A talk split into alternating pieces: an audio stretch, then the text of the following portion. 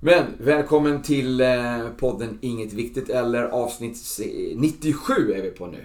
Eh, och eh, veckans gäst har aldrig varit med i podden förut så vi ska ta en liten introduktion. Vad säger du Monja? Vem är du egentligen? Ja, vem är jag? Jag heter Monja. Jobbar som träslöjdslärare.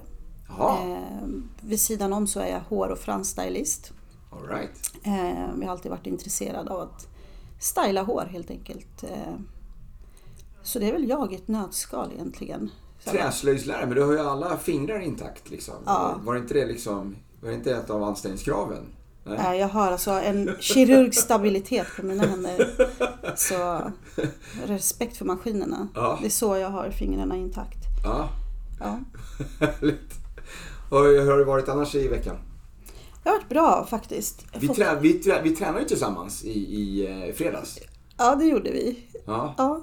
Körde, Imen hade ju ett litet träningsevent eh, på Fit for eh, Life. Hur var det? Det var väldigt trevligt faktiskt. Jag gillade eh, han gästspelaren, höll på att säga. Ja. Eh, som körde lite annorlunda rörelser under uppvärmningen. Ja, lite det, djurinspirerat. Ja, det var faktiskt mm. väldigt, eh, väldigt intressant. Kul. Ja, ja. Framförallt. Jag tror faktiskt att det, han kommer gästa podden snart. Jaha, ja. ja kul. Eh, Spännande. Eh, vi snackade lite grann där och jag fick hans kort så vi ska faktiskt eh, höras och, och snacka med lite grann. Det, för det, någonting som jag inte nämnde för honom, ja. eh, nämligen att jag har ju under eh, flera år, ända, ända sedan pandemin faktiskt, 2020 mm. där då, så har jag kört eh, crosstraining-klasser på Sats med djurinspiration. Jag okay. kallar det för Zoo Edition. Ja. För att av en slump så var det bara så att jag, några övningar som jag letade upp inför de här utomhus eh, eh crosstrain-klasserna som jag höll i då. Mm. Eh, för man ville inte vara inne på gymmen heller ett tag. Nej, I, precis. I början på pandemin så ville man liksom vara ute så mycket som möjligt. Så vi, vi i, körde ju mycket utomhusklasser. Och då var det ju utan redskap så det var ju kroppsövningar så då letade ja. jag grann på nätet och hittade några övningar. Så hade några av de här övningarna hade liksom djurnamn. Ja. Eh, och sen bara för skojs skull tänkte jag ett mm. pass så kör vi bara liksom, övningar med djurnamn och så kallar vi för Zoo Edition. Och så bara en gång, ett tillfälle tänkte jag. Men det togs emot så bra. Ja. Så att det blev liksom en återkommande grej. Så jag körde ju den liksom i, jag har haft det liksom även inomhus. Så mm. har jag haft Zoo Edition cross training klasser ibland. Skitkul eh, Det är liksom så här lateral monkey walk och det är, ah. det är the flying squirrel. Det är the crab crunch och det är tiger pose burpees och ja, ah. allt möjligt. Donkey kick med mera. Så att eh, eh jag har liksom kanske 20-25 olika övningar som har liksom någon sorts eh, djurnamn i sig. Då. Ah. Så eh, jag tänkte att jag, det ska jag prata mer med honom om. Det kan Jättekul. visa på de övningarna. Så jag ska leta upp alla mina mina papper på dem. Vad var det han kallade det för? Animal movement. Ja. Det tyckte jag var jätteroligt faktiskt. Ja. Men det, det, är ganska kul för det är väldigt annorlunda och man får liksom, kroppen får röra sig på ett helt annat sätt. Ja. Känns som att hela kroppen får röra sig samtidigt. Du, eh, får, det är väldigt mycket låg tyngdpunkt i de här övningarna har jag liksom mm. märkt. Det är mycket att man sitter på huk. Just det. Eh, att man blir litet som ett djur kanske. Ja. Det är inte många djur som står upp på, Nej, två det. ben. Så att eh, det blir mycket att man jobbar med de benmusklerna mm. som man kanske inte heller är van vid så mycket när vi, när vi bara är ute och, och sitter och går. Utan när vi liksom kommer ner så pass djupt ner så blir det lite annan. Så att den här, mm. den här lateral monkey walk då som jag säger det är ju en av de jävligaste benövningarna som jag har kört på något pass. Shit. Den skriker alla liksom efter att ja. de har... Liksom, den ser väldigt enkel ut när man gör den. Man tänker liksom att ah, det där var väl ingenting.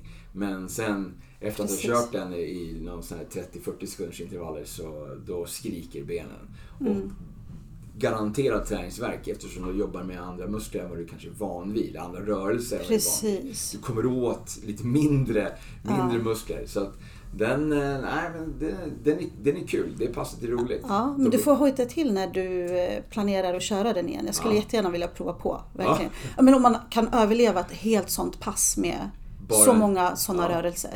Ja, alltså varför inte? Vi får se om vi kan köra något, något specialevent här nu kanske när det blir lite varmare. Att gå ut och ja. köra utomhus igen. Verkligen. Köra ett sånt utomhuspass då liksom med djur. Han får mm. vara med kanske och köra uppvärmning ja, då, precis. med sina övningar. Och så kör jag själva liksom, cross-training-klassen, cirkelträningklassen med de här djurövningarna. Det vore kul. Det vore kul. Vi snackade lite annat också. Vi snackade lite honung gjorde vi också, han och jag. Ja, precis. Han hade ju en honung som han körde ja. med lite med ingefära. Det var riktigt det var ingefära. stark ingefärasmak på den. Det var cayenne i också. Okej. Okay. Ja. Och så var det lime och en fjärde grej. Um, jag har listan. Ingefära, det var, det var gott, cayenne, det var gott, Men ingefäran tog en väldigt stark ton. Ja, det, det gjorde det. Och så känner man cayennen efter. Ja, ja. ja det, det kommer jag inte ihåg. Eh, jag, jag, kommer ihåg ingefäran. Den, ja. den, den, den, fick jag en smocka av, verkligen. Ja, det var ju upp, så här, uppfriskande smocka. verkligen, ja. verkligen. Ja. Nej, men så vi snackade lite grann om det. Mm. Eh, jag snackade lite grann eh, om, för han hade träskedar som han bjöd på honungen. Just det. Ja. Och det var ju för att man ska inte ha metall då i, i honung för att det oxiderar. Det kan oxidera metall. Men det är myt. Det är en myt. Så det slog jag ju hål på när jag körde min podd om honung. För att det är faktiskt okay. så att absolut, om vi tänker tillbaks tidigare liksom, där vi kanske hade järn eller kopparsked. Mm. Ja, det oxideras av de här enzymerna som finns i honungen. Så det är inte bra att ha en sån sked ja. sittandes i honung eller, eller att man gröper ja. honung med en sån sked. Men roststål, absolut mm. ingen fara. Det kommer inte, den, den kommer inte oxideras.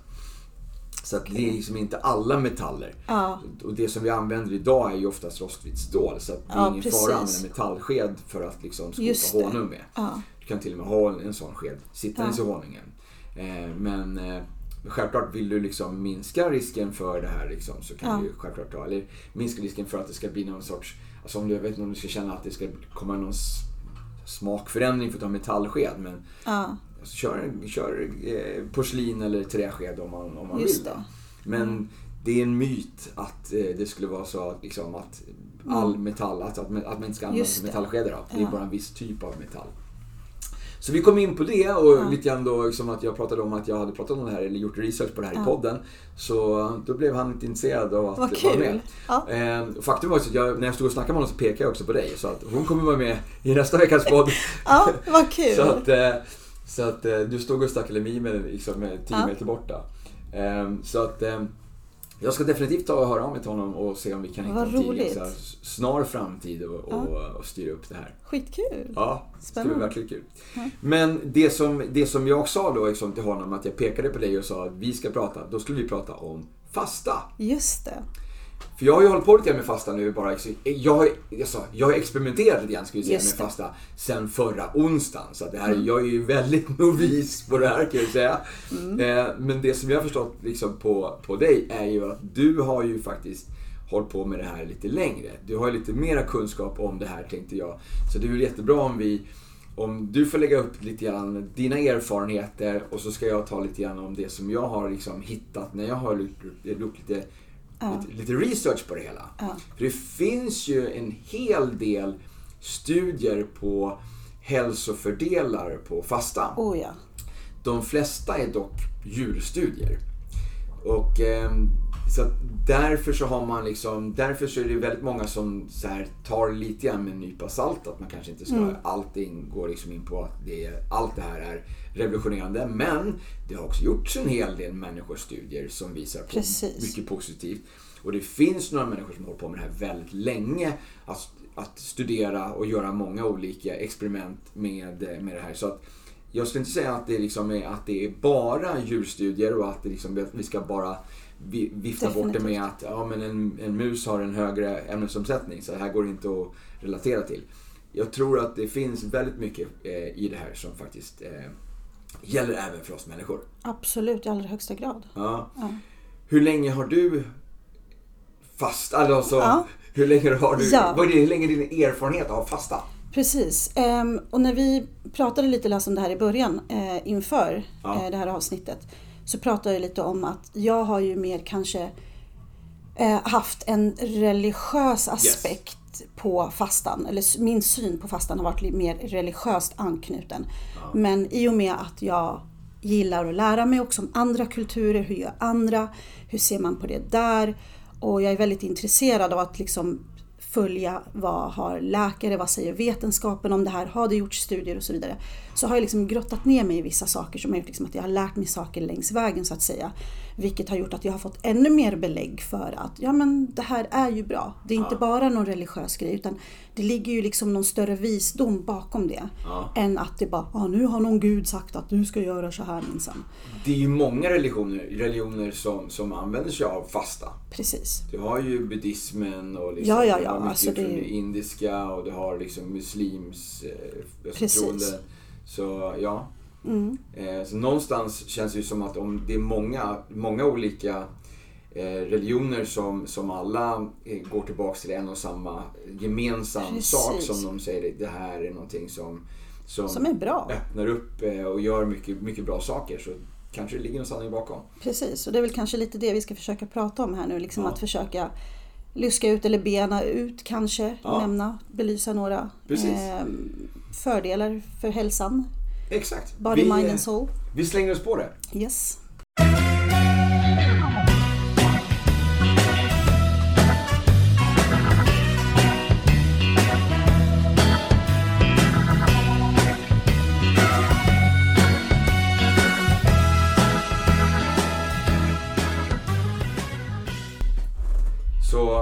Vad är fasta? Ja. Alltså, fasta betyder ju egentligen att man avstår från någonting. Precis. Eh, så att man kan göra en kolhydratsfasta, man kan köra liksom en sockerfasta där man inte äter socker. Precis. Men den här, det som de flesta kallar, alltså när man mm. kör en matfasta där man mm. inte äter mat. Det kallar många för vattenfasta. Men det betyder det är ju tvärtom. Ja men precis, exakt. Det betyder ju faktiskt, en vattenfasta betyder att man fastar från vatten. Ja. Men man kallar det för vattenfasta när man bara dricker vatten. Just det. Men, så det är en felbenämning av det. Egentligen, ja. Men det är i alla fall, det vanligaste är ju ändå att man håller upp under eh, viss tid. Alltså man kör en periodisk fasta. Precis. Och där finns lite olika varianter. Har du, ja. Vad har du för erfarenheter av periodisk fasta? Ja, alltså i mitt fall så är det ju då eh, den heliga månaden Ramadan. Ja. Det är 30 dagar. Ja. 29 dagar beroende på liksom hur månen ställer sig i himlen. Liksom och så där. så vi följer liksom det, månkalendern. Eh, så det är 29 till 30 dagar. Där man avstår från eh, både föda och vatten under liksom dygnets ljusa timmar. Okay. Så det är oftast liksom från gryning till solnedgång.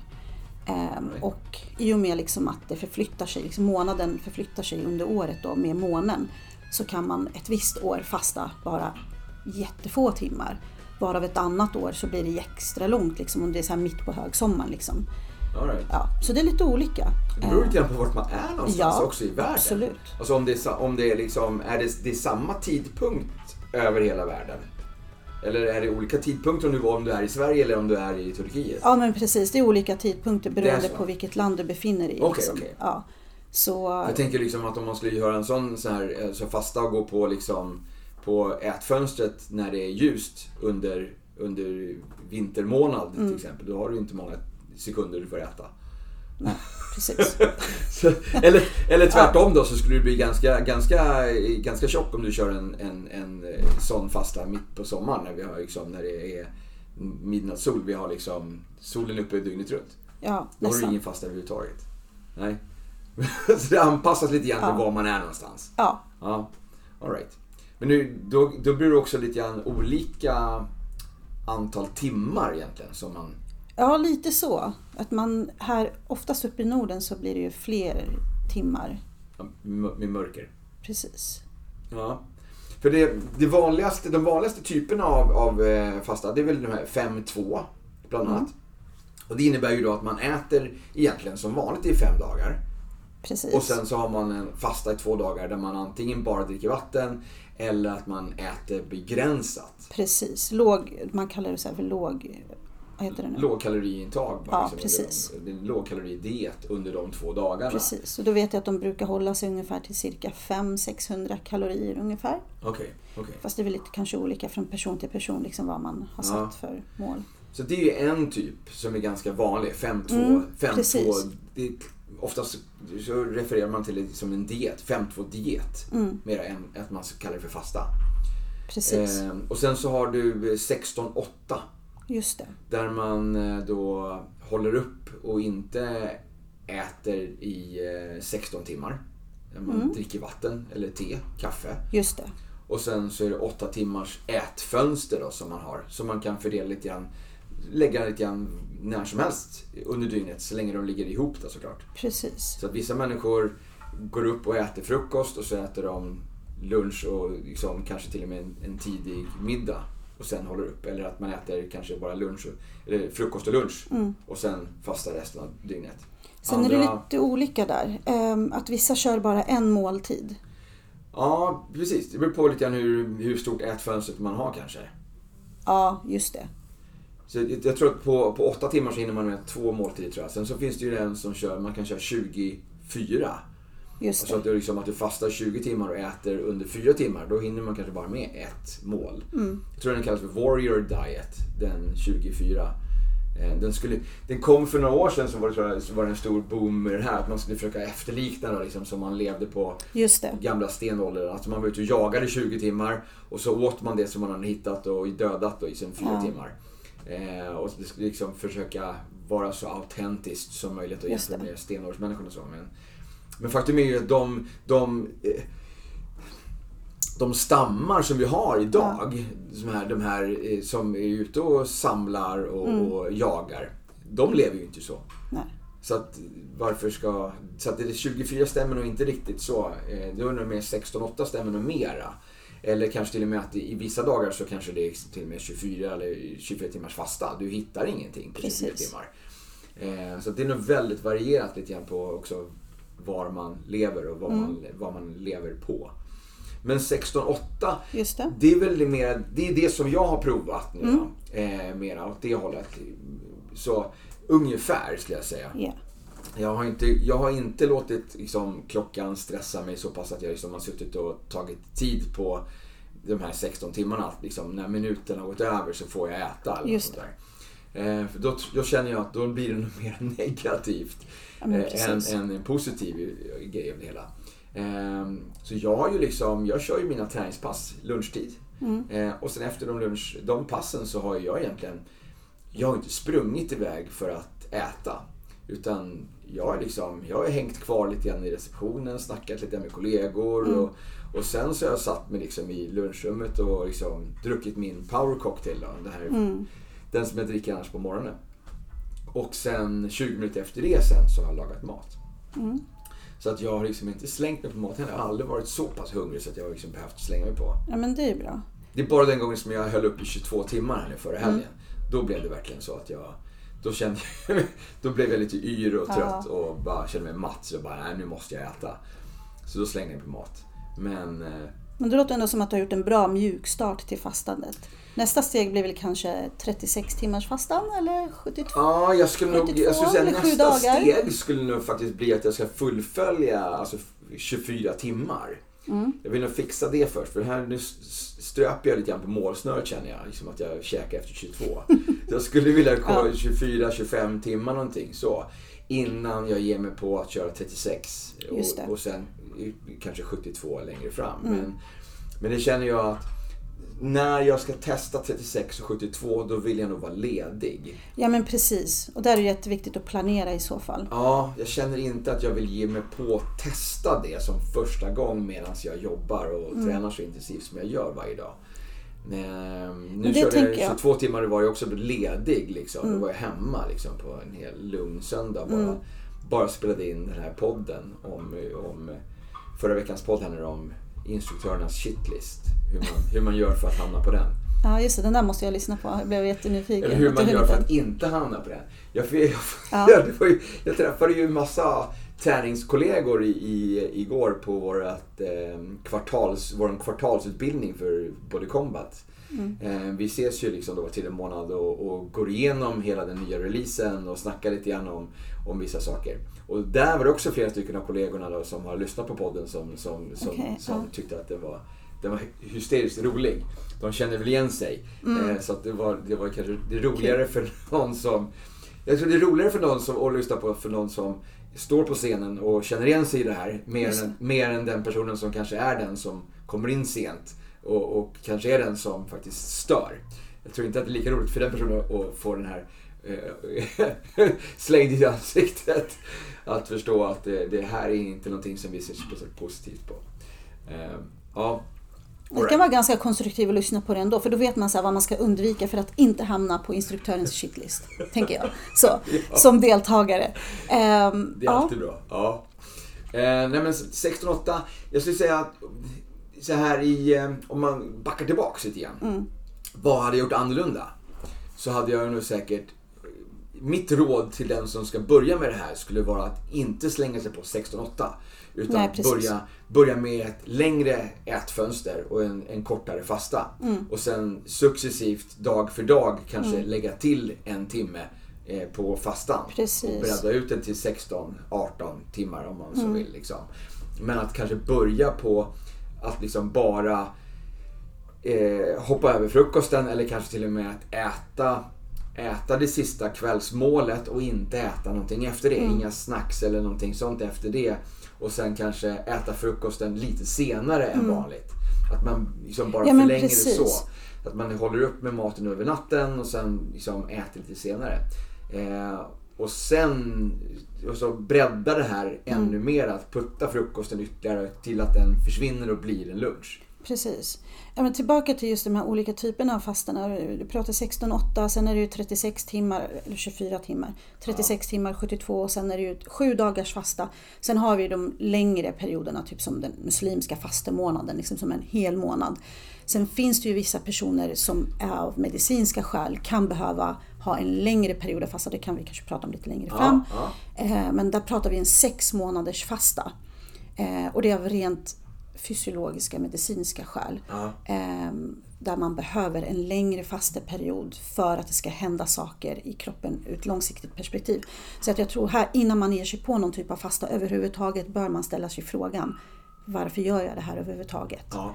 Och någonstans där börja lägga upp en plan eh, och förbereda. Det var lite som när jag tänkte att jag skulle bli vegan och jag är oftast den här som bara går all in, bara rakt på, pang på. Vi väntar inte till måndag utan today is Monday. Typ. Eh, och jag gick rakt in i väggen där bara, när jag gick så hårt också. Bara, det där kan inte jag äta, det där kan inte jag äta, det där kan inte jag äta. Bara, vad får jag äta? Jag får äta lite gräs typ. Eh, så man ger sig inte på någon fasta förrän man har gjort klart en plan för sig. Varför gör jag det här överhuvudtaget? Liksom? Vad är syftet? Ja. Men under, under Ramadan, eh, man äter ju ändå på natten då? Eller ja, alltså eller på eftermiddagen eller på kvällen ja. beroende på när solnedgången så, så är. Så det är fortfarande en periodisk fas. Det, kan, det klassas, även om det är under en månad, så Precis. är det ju en periodisk fasta varje dag då, under ja. en månad.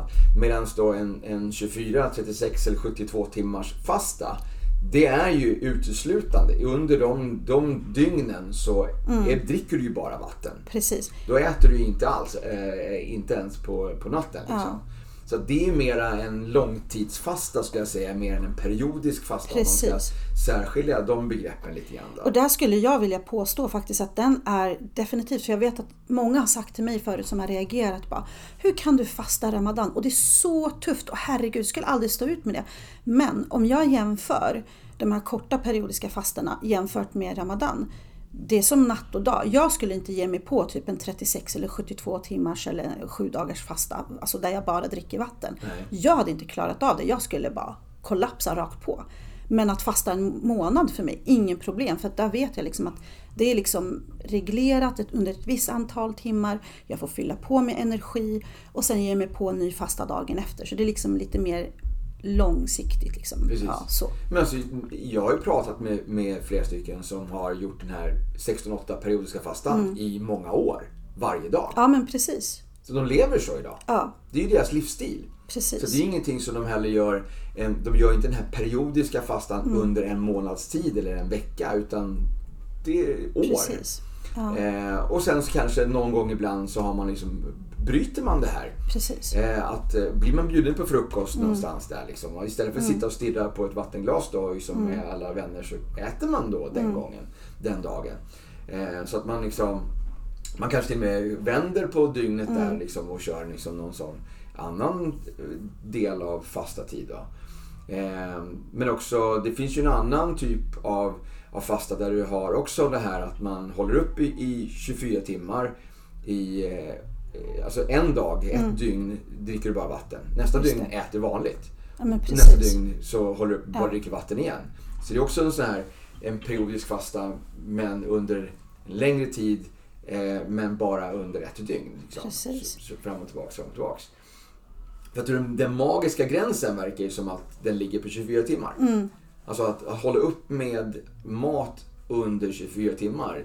Där verkar det som att det händer grejer. Om man ska titta på liksom det här, mm. på de studierna som jag har ramlat över här. Liksom. Men innan vi går in på liksom den mera hälsoaspekten, mm. mera på liksom vad, eh, vad du kan få ut av det, vad som händer i kroppen, så tänkte mm. jag liksom bara lite grann gå in på det här med vikt. Just det. För vikt, mm. det, det, kommer ju bli en viktminskning. Om du mm. inte äter så mycket Precis. så kommer du gå ner i vikt. Um, så många använder sig lite grann av den här fastan som någon sorts diet. Och som jag ja. var inne på, 5-2 diet yeah. kallas det ju för mera. Då. Um, och jag tror att um, gör man det här rätt Exakt. så går du nog ner bra mycket mm. i vikt om du kör en 16-8 diet. Eller 16-8 fasta. Men det finns ju också många risker med att man gör det här fel. Absolut. Att om du håller upp nu under många timmar och sen är du under ditt ätfönster, mm. om du föräter dig då. Precis. Om du äter eh, mera än vad du hade gjort per måltid mm. eh, normalt. Då hamnar vi på ett kaloriöverskott och då kommer du ju gå upp i vikt snarare än att du går Precis. ner. Eh, och om du dessutom då när du är hungrig, när du går ut från fastan, du sitter och kollar på din klocka att mm. om en sekund får jag äta. Mm. Och då så slänger du i dig massa onyttigt mm. för att du är så hungrig. Då kommer det också bli en negativ hälsoeffekt Precis. än den positiva mm. som du kan få utav det här.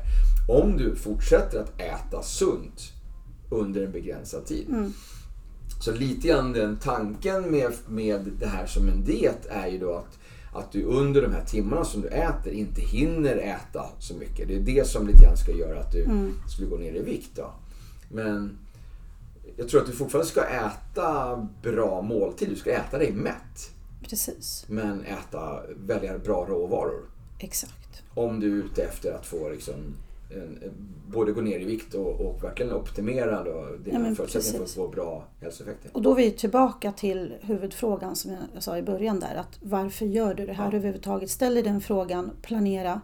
Och jag vet att det är jättemånga som ser så att jag ska fasta under en speciell period för att jag ska komma i den här klänningen till exempel. Eller det är något, något stort event liksom. Och, ja, jag behöver komma i form helt ja. enkelt. Um, Eh, och vissa andra kanske tänker så här, ja, men det här ska vara mer långsiktigt, jag ska liksom gå ner. Eh, men då tänker man så här att man kör en fasta för att liksom tappa mycket på en gång. Men det är också en liten, ehm, en liten illusion på något sätt. Man tror att man tappar vikt men egentligen så är det att man tappar vätska i början. Det är mycket vätska som du tappar i, Precis. egentligen oavsett Så man får inte låta sig luras där egentligen och tänka då att ja, men en kort period fasta ska liksom göra susen här utan man måste ju se på det långsiktigt att det ska liksom vara hälsosamt och att det ska vara någonting som man ska kunna upprätthålla under en längre tid. Som du säger, det ska bli någon slags livsstil. Liksom. Livsstilsförändring som ja, man gör. Ja, men det är mycket det som jag predikar för de som kommer till mig och vill eh, få hjälp med viktminskning. Jag har ju ett kostprogram som jag har kört liksom sedan 2015 nu. Mm. Där det handlar lite grann om att, att eh, äta på ett visst sätt. Alltså råvaror, mycket paleo-tänk mm. lite grann så. Um, som, som, som då gör någon sorts eh, nollställning på kroppens celler. Att man liksom tar Precis. bort allt skräp ja. och sen tillför man bra näring till de här cellerna. Så att mm. liksom vi rensar ut skiten och sen så bygger vi upp liksom starka celler med bra näring. Precis. Så kostprogrammet kallas ju även för cellreset. För att man gör en cellreset liksom på, på kroppens celler. Och där i kombination med fasta så är det ju alldeles perfekt. Ja, att ha det här paleotänket med maten. Att ha bra råvaror, inga, inga ultraprocessat skit liksom. Ehm, så i samband med, med fastan, att du bara mm. äter under en viss tid på dygnet men att du äter bra måltider med bra råvaror. Där har du absolut de bästa förutsättningarna för att få Verkligen. optimalt från båda håll. Ehm, sist bara så kan jag nämna att det finns ju, det är någon studie som man har gjort på grupper som har eh, gjort både fasta och kalori, alltså begränsat kaloriintag. För att liksom se på liksom vad som har varit den mest effektiva viktminskningen. Då. Mm. Ehm, och faktum är att där har man kommit fram till att det har varit ungefär samma. Det har inte varit någon större skillnad på de här två grupperna. Eh, annat än att muskelmassan faktiskt har varit mera bibehållen mm. i gruppen som har fastat jämfört med gruppen som har levt på kaloriunderskott. Just att man har liksom ätit flera måltider då, eh, som vanligt men att man har ätit mindre måltider. Mm. Eh, så i den gruppen som har fastat och ätit lika mycket liksom då, kan man säga. Just de det. har ju också då bibehållit muskelmassan bättre. Mm. Eh, så att man har minskat mer i vikt av fett och inte av muskler. Precis. Det är ju en väldigt viktig detalj.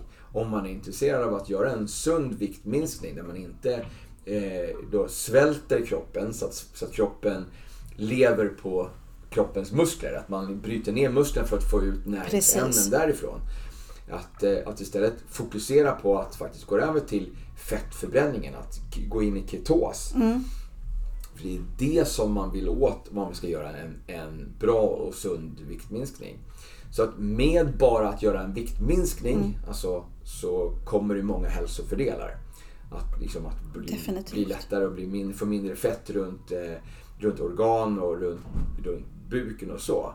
Så att det är bra att gå ner i vikt men jag tänkte att det får lite grann det får räcka med den fokusen på det tänkte jag i det här avsnittet. Jag vill inte lägga allt för mycket vikt på, på viktminskning för jag vill inte att det här ska liksom uppfattas som att det här ska vara en mm. diet. Utan fastan har så många mera hälsofördelar.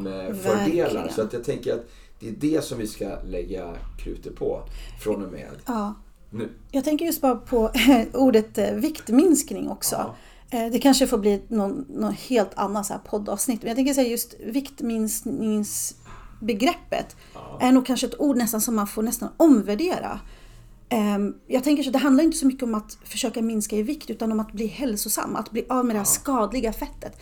Det behöver inte nödvändigtvis vara då att, liksom att vågen ska visa mindre i, i, i, kilo så att säga. Nej, det är ju negativt med tanke på att muskler väger ju också mer Exakt. än vad fett gör. Så, jag, så att, ja. du, om, du, om du eh, svälter dig själv ja. så kommer ju du, äh, att kroppen kommer ju behöva ha näring från något sätt. Och då Precis. har du antingen att den liksom drar från fett eller att den drar från ja. muskler eller från skelettet. För att liksom få den näringen som du då inte ger dig. Precis. Så om du inte äter om du inte tillför kroppen mm. näringsämnen så kommer ju kroppen att liksom mm. behöva ta det från något annat håll.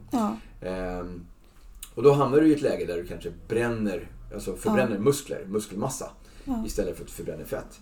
Eh, och då kommer det ju visa positivt på vågen mm. men det kommer inte vara positivt för dig i, i stora hela. Ja. För faktum är ju också att ju mer muskler du har mm. desto mera kalorier förbränner du när du är aktiv. Precis. Så att det är att eftersträva mm. att, att bibehålla muskelmassa samtidigt som du går ner i vikt mm. i fett. Så att min fokus på mitt kostprogram är ju också att minska fettprocent och bibehålla muskelmassa. Precis. Och det gör ju jag med hjälp av de här, den, den här rena maten men ja. också tillskott i form av eh, vitaminer, mineraler men också aminosyror. Som liksom byggstenar för, mm. för eh, eh, musklerna. Nu vet jag inte om det är en dietist eller om det är en läkare som man kanske behöver samråda med om man nu tar ett scenario där en person kanske är sig kraftigt överviktig som är ohälsosam som kanske löper vissa risker till vissa sjukdomar, typ hjärt och kärlsjukdomar eller något annat. Liksom. Då kanske man ska liksom samråda med en, en läkare liksom, och kolla upp värden och sånt innan eh, man exem, till exempel går in i en, eh, i en fasteperiod. För där kan man ju också sen jämföra värdena eh, i kroppen. Liksom. Absolut. absolut. Att istället göra... för att stirra sig blind på en våg, tänker jag. Ja, du får, du får ju ut mycket mer av att göra ett sånt, sånt test än att göra en våg. Och då kan, vi liksom, då kan jag slå ett slag för, för Nathalie och hennes... Eh, jag var gjorde en frekvensanalys ju hemma hos eh. Nathalie ute i, eh, ute i skogarna i, uppe vid Märsta. Hon håller ju till även i södra Stockholm ibland vissa dagar och kör de här testerna så man kan boka med henne där. Jaha. Ehm, och då går ju hon igenom eh, alltså man håller i ett sånt där handtag så okay. går det in lite puls genom kroppen. Och så får du liksom en lång lista wow. på saker som som, eh, som kanske liksom ligger under värde eller ligger över värde. Ja. Och så kommer hon även liksom att analysera det här och ge lite liksom tips och råd på vad du kan göra för någonting för att öka de här värdena. Då. Wow. Så att eh, det, det avsnittet ligger också uppe på, på Spotify. Lyssna på det så får du lite mer tips på vad man kan få ut av ett sånt, eh, en sån, sån läsning. Jag har ju faktiskt hela hela det samtalet har jag ja. faktiskt inspelat. Alltså, vi satt ju liksom i en timme Shit. och gick igenom alla mina parametrar, allting, wow. alla, alla värdena. Men sen så i själva poddavsnittet så lyfter jag ju självklart bara ut ett par liksom, grejer som jag, liksom bara, så man får exempel på hur mm. det kan låta, liksom, hur man kan liksom, se. Men jag tyckte det var jätteintressant. För då får du ju inte bara liksom så här, Jag har ju en våg hemma som visar hur mycket muskelmassa och vatten och liksom så jag har. Eh, och det kan ju vara intressant också att liksom ja. se någonting mer än bara en, en, en ett kilo. Definitivt. Eh, men att göra den här, en sån här frekvensanalys någon gång, kanske en gång om året för att se liksom vart du är någonstans i övrigt då, ja. när det gäller din kost. Äter du så att du har ja. tillräckligt mycket järn i kroppen? Eller eh, tar du tillskott så att du har fått dina D-vitaminer på vintern? Liksom, och, och... Nu har inte jag hunnit lyssna igenom det avsnittet men jag blir ju direkt nyfiken på om det är någon parameter som stack ut någonstans. Och om det är någonting som du har tänkt på att ta hänsyn till nu när du fastar. Det, om du kan koppla det på något sätt? Nej, det som jag... Eh, nej, det var egentligen inte... Det, ingenting som var som var jättefarligt för mig. Det som man kunde se lite grann på den här, det, det var att jag har lite problem med, eh, med näringsupptaget. Alltså liksom med, med tarm och så. Uh. Ehm, och jag tror att ehm, problemet där är väl att jag kanske slänger i mig maten lite för snabbt. Okej. Okay. Ehm, så det har väl liksom varit ett det har jag levt med ganska länge, att jag, jag äter för snabbt. Mm. Jag glufsar i mig maten liksom. Så, och det är inte så speciellt bra för du får inte riktigt, alltså tarmen får kanske inte riktigt tiden att ta upp näringen när den kommer utan det blir liksom packat liksom, mm. så den blir stressad. Eh, och det gör att liksom mitt upptag blir lite sämre. Eh, så det var lite grann det som vi kunde se och mitt råd, eller liksom råd som jag fick av henne det var liksom ja. att jag skulle äta långsammare. Eh, och det visste jag redan om att jag ja. borde, borde göra. Men det var inte några direkta näringsbrister. Eh, det var väl någonting med, alltså om det var vissa parametrar som var lite låga som var liksom typ så här zink, eh, testosteron eller något ja. sånt där som var kopplat till, jag minns inte riktigt om det var så att det verkligen var lågt eller om det var precis liksom på gräns. Eh, det, var, det var inte lågt någonstans i alla fall, det var, mm. det var under gränsvärde i sådana fall. Ehm, men det är också intressant att jag, har ju, jag dricker ju ett sånt här mineraltillskott eh, mm. varje kväll. Och ehm, det är allmänt känt att liksom zinkvärdena lite grann liksom hos människor mm. har gått ner. Mm. Det, zinket som finns i det som vi äter uppenbarligen har blivit sämre. Så att vi behöver mera zink. Och det har ju då Fitline, då, de här kosttillskotten, de har anammat det. Så de har höjt nivån av zink i den här den här mineraldrinken som jag dricker. Ja. Så att jag har liksom inte, jag har inte lagt till mera zink utan jag har bara fortsatt att dricka den här. Men jag får mm. mera zink per automatik.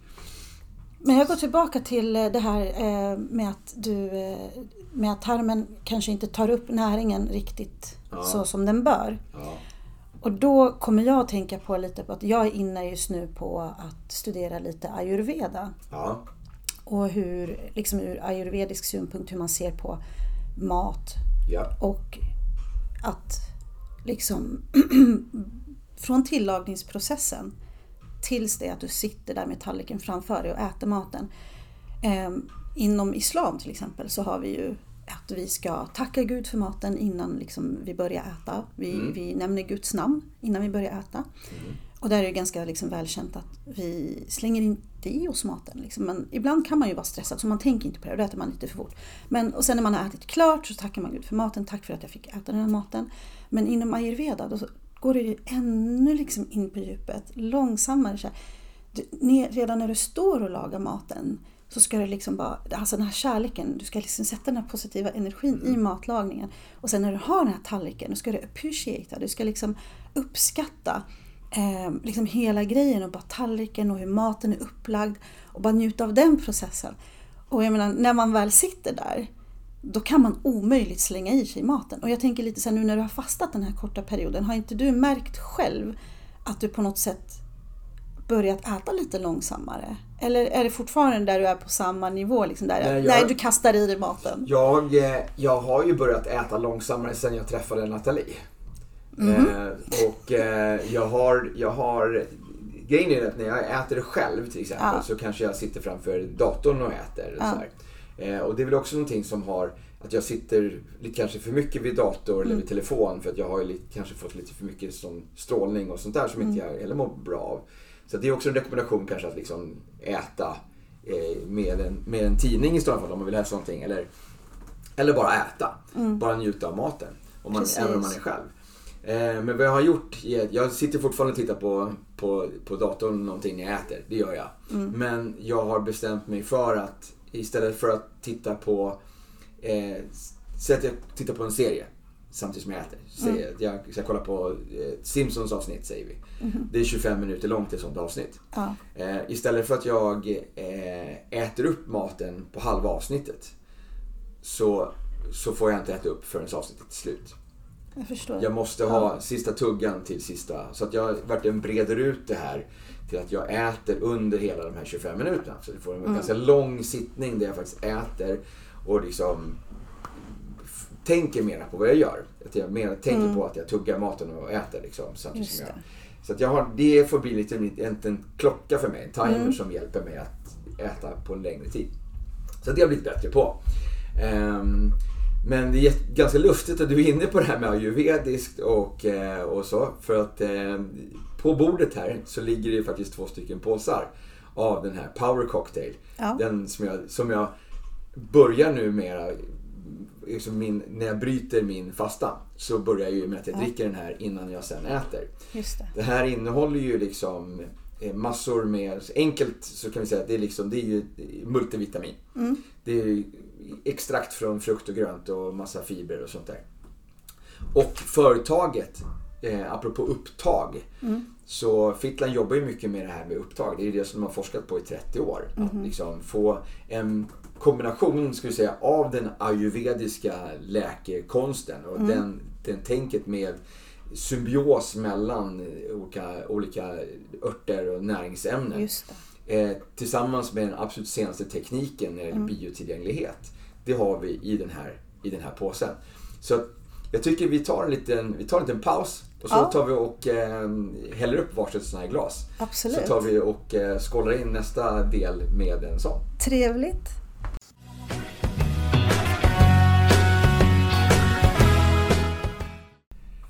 Yes, nej men då har jag ju avbrutit min eh, fasta period här nu då, officiellt. Mm. Med okay. att jag tog en klunk av den här Power Cocktail precis. Ja. ja. Bon appetit då. Precis. Eh, så det här börjar jag ju alltid med. Just för att det här, jag vill att den ska... Och det kan jag säga, det som jag har känt av nu när jag mm.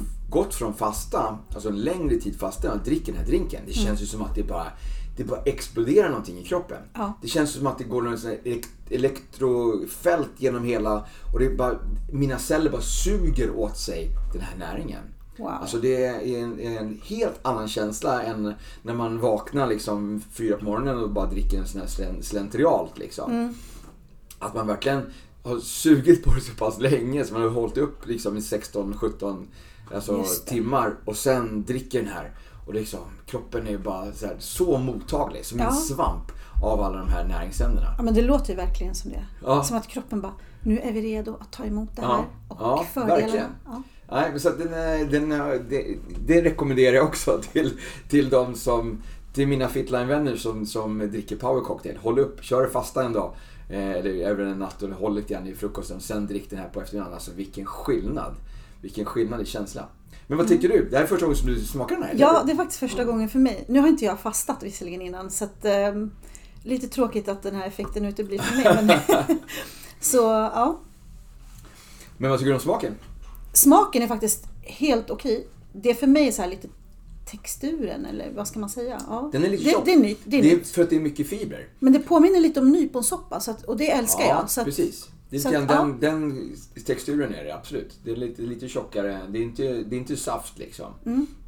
Ehm, så att den är lite mer, det är ju för att det finns, det, jag tror det är både havre, ris och ärtfibrer eh, Okej. i den här. Ehm, det, och det är liksom, jag tror det påverkar lite grann eh, också det är bra för våran, eh, för tarmen, magetarm. Mm. Eh, hur som helst, vi ska, vi ska prata mer om, eh, jag kan prata mer om den här powercocktailn senare. Jag kan slänga in ett reklaminslag på den. Men Wink wink. nu tänkte jag att vi slänger oss, vi går vidare på lite grann på, på hälsoeffekterna. Vi, vi släpper Ja. det här med, med viktminskning. Även om, även om vi kan säga att, Det- att gå ner i vikt är bra för hälsan det också. Eh, eh, men vi fokuserar på andra hälsoeffekter med att göra, leva periodisk fasta och kanske en, en längre, en längre fasta. Alltså Precis. 24, 36 och 72 timmars fasta. Eh, jag läste faktiskt någonstans i en, en studie så läste jag att eh, tillväxthormon Ja. ökar. Eh, och det kan öka med typ uppåt fem gånger så mycket. Ja. Och i en studie så var det så att de hade, de såg att det här hormonet ökade med 2000% hos Helt- männen och 1300% hos kvinnorna efter 24 timmars fasta. Helt korrekt. Ja. Alltså, missar jag det här nu när jag liksom käkar efter 22 alltså? Lite så. Sorry dude. Jag skulle ha hållit upp i två timmar till. Jag tror att efter 24 timmar, det betyder ju 24, 25, det betyder ju 27, 28. Det är kanske någonstans där. Jag tror inte att det är liksom precis på klockslaget. Nej, men 24 precis. timmar. Men efter 24 timmar, det är där som det liksom Ja. börjar, de stora, de stora hälsoeffekterna börjar hända. Definitivt. Sen får man också ta hänsyn till liksom att våra kroppar är helt olika. Ja, ja. För vissa kanske 24 timmar, för vissa 26, för vissa 30. Det, det är väldigt olika. Men ja, Och återigen sen lite längre. kanske också vad du, vad du faktiskt åt när du åt senast. Exakt. Eh, om man går tillbaks till, eh, till våran, eh, den, den kristna då, fastan. Med Mm. att man här i Sverige då trycker i sig ett, en, en bunt eh, med semlor. Och sen så fastar man fram till påsk. Ja. Eh, det, alltså, jag vet inte det är det bästa du kan äta. Eh, och käka massa, massa mandelmassa och grädde. Alltså, Som- alltså som- jag skulle nog kanske argumentera faktiskt att det är det. Om man jämför sig med lite med andra saker. För det är ju fett liksom. Och fett Ja, ja. är ju bra liksom. Som man lagrar på sig. Som man, som man klarar sig fram till påsk. Ja, ja, liksom. om du ska, Ja. leva, om du ska gå in och krypa ner i det. Och Ja, lite så. det så. Ja, okej. Ehm, men eh, andra, andra hälsoeffekter är väl också eh, insulinkänslighet. Och där har vi lite grann också en ganska, ganska bra koppling till, till fetma och övervikt. Definitivt. Insulinresistens. Mm. Alltså det är väl ett, ett stort problem som många, som många överviktiga har. Just att man har problem med eh, insulin. Mm. Eh, och det som gör liksom att, du, att du skapar mera fett än att, liksom att du förbränner det. Eh, att man liksom inte riktigt får det här att funka som det ska. Mm. Men vad, vad skulle du säga eh, det som du har lämnat över? Vad tycker du är liksom det, det viktigaste att, att lysa?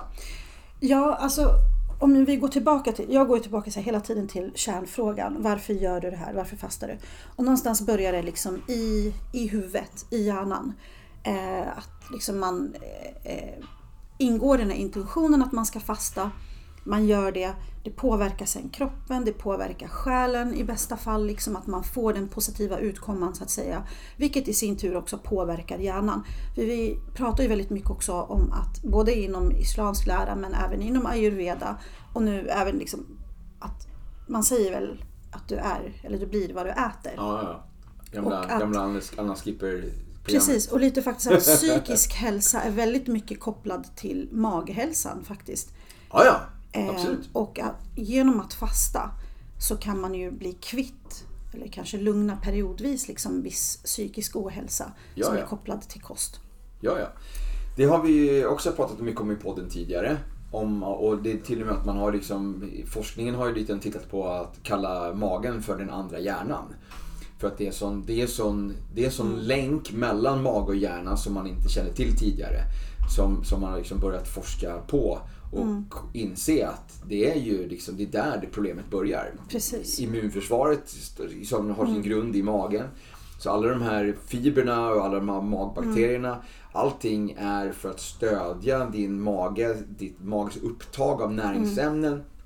Som är länkat då till liksom hur ditt, ditt eh, mentala liksom, mående är. Mm. Så att ja, absolut. Det är jätteviktigt. Verkligen. Och eh, genom att kunna fasta liksom, längre perioder så hjälper man ju sig själv liksom, att bli kvitt, skulle jag säga, vissa beroenden. Eh, någonting som är väldigt vanligt är ju liksom sockerberoende. Liksom. Ja, ja. Att man eh, konsumerar väldigt sockerhaltiga eh, produkter som kanske inte är så jättebra för, för hälsan. Nej. Och genom att liksom avstå från att äta så kan man planera sin, sin mat eller sitt intag mycket bättre och minska på de här skadliga eh, ska jag säga, ämnena. Alltså att, låta, att bara låta tarmen vila. Precis. är nog väldigt viktigt. Jag läste också någonting och det var någon, en, en tjej som hade eh, kört den här periodiska fastan och genom det så hade hon fått en mycket, mycket bättre mage. Hon hade liksom idag, här, vad heter det, ulcerös kolit. Just det. Eh, så inflammation då i mm. tjock och ändtarm. Och eh, det här är en typisk sån inflammationssjukdom som kommer i skov. Att liksom ibland, ja. så, ibland så mår du bra, du märker inte av det alls och ibland så blir det ett rent helvete. Liksom. Men eh, hon upplevde ju liksom då med den här fastan att det här liksom, de här mm. skoven har liksom blivit lindrigare och färre. Det eh. kan jag ju verkligen eh, eh, hålla med om. Jag ja. som själv bär på en autoimmun sjukdom. Ja. Eh, och det här är ju, alltså att fasta är ju bra som sagt av flera olika skäl. Ja. Psykiska, liksom, eh, fysiologiska och så vidare. Och speciellt för oss som har autoimmuna sjukdomar. Vi pratar bland annat också leaking guts, alltså ja. Eh, vad heter det på svenska? Alltså läckande tarm. Ja, läckande tarm ja, precis. precis. Eh, där brukar liksom läkare rekommendera liksom, eh, att man eh, utesluter vissa eh, råvaror mm. i minst 30 dagar, om inte 60 dagar. Okay. För att kunna liksom göra korrekta mätningar och jämförelser över hur magen mår. Mm. Så därför kan det vara bra liksom att köra lite olika typer av fastor, känna sig fram helt enkelt. Ehm, för att bli kvitt vissa eh, sjukdomar. Och jag kan ju säga att jag har inte haft nu säger peppar peppar, ta i trä och allt det där du vet. Mm. Eh, jag har inte haft liksom något jobbigt skov sen, eller egentligen symptom överhuvudtaget sedan 2019. Okay. Eh, och det var att jag gick in i en väldigt tuff diet då som kallas för AIP, autoimmuna protokollet. Mm. Och det körde jag ett väldigt bra tag. Okay. Ehm, och det blev som natt och dag för mig. Aha, liksom. Och i kombination med den här fastan. Liksom. Ehm, nu idag har jag blivit lite slarvigare igen och jag känner liksom att jag behöver gå tillbaka eh, till att liksom skärpa mig lite mer. Ehm, jag har ju märkt till exempel av att min sockerkänslighet har ju gått och blivit något annat. Jag har gått från att, bli, från att ha varit sockerberoende mm. till att bli extremt sockerkänslig. Så att om jag får i mig socker så kan jag nästan liksom vakna upp dagen efter och känna mig lite bakfull faktiskt. Och jag, jag känner hur mina energinivåer är riktigt låga. Mm. Jag kan känna mig riktigt sänkt. Um, så att, ja. Jag, blir ju, jag, blir ju, jag får ju förkylningssymptom av eh, för mycket socker. Ja. Det är eh, sjukt. Så viss, liten, liten gräns alltså av det. Om jag är, alltså, bortsett från det som jag liksom, finns dolt i maten som mm. jag äter. Om jag äter godis, glass, mm. äter, dricker läsk med socker. Mm. Eh, då är det en väldigt liten nivå som jag klarar av utan att jag vaknar upp dagen efter med täppt näsa eller halsont. Mm. Liksom förkylningssymptom helt enkelt.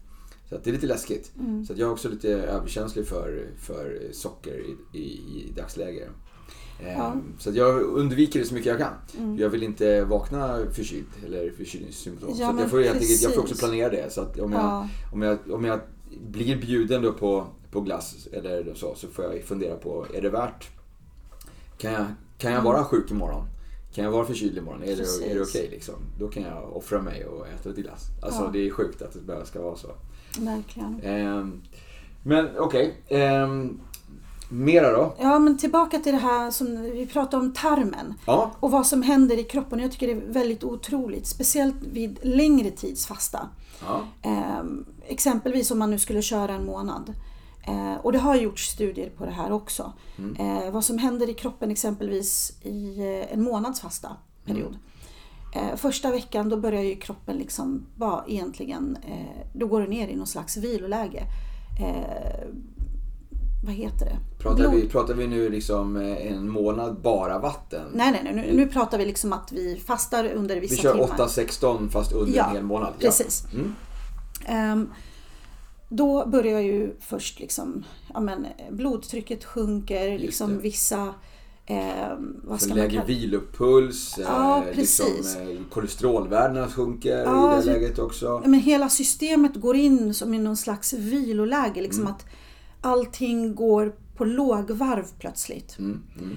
Eh, och då börjar kroppen plötsligt rensa ut yes. en massa skit. Precis.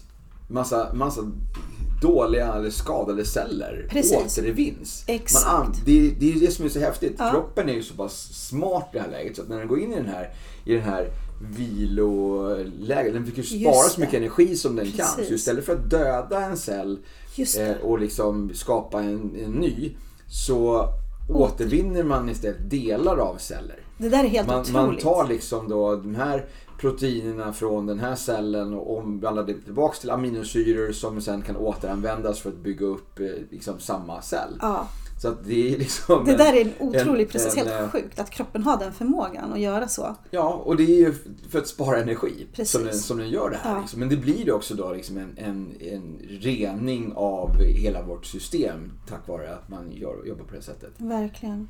Så att det är en liten cell, cellförnyelse. Cellreset kanske man ska kalla det för ja, igen det, här nu då. det är exakt vad det är. Ja.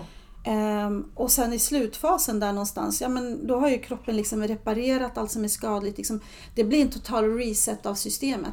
Sen får man också ta eh, och tänka på eh, det psykiska, vad som händer liksom i psyket under den här perioden. Det är ju liksom när du går in och gör det här rutinmässigt under en, en, en månad exempelvis. Ja.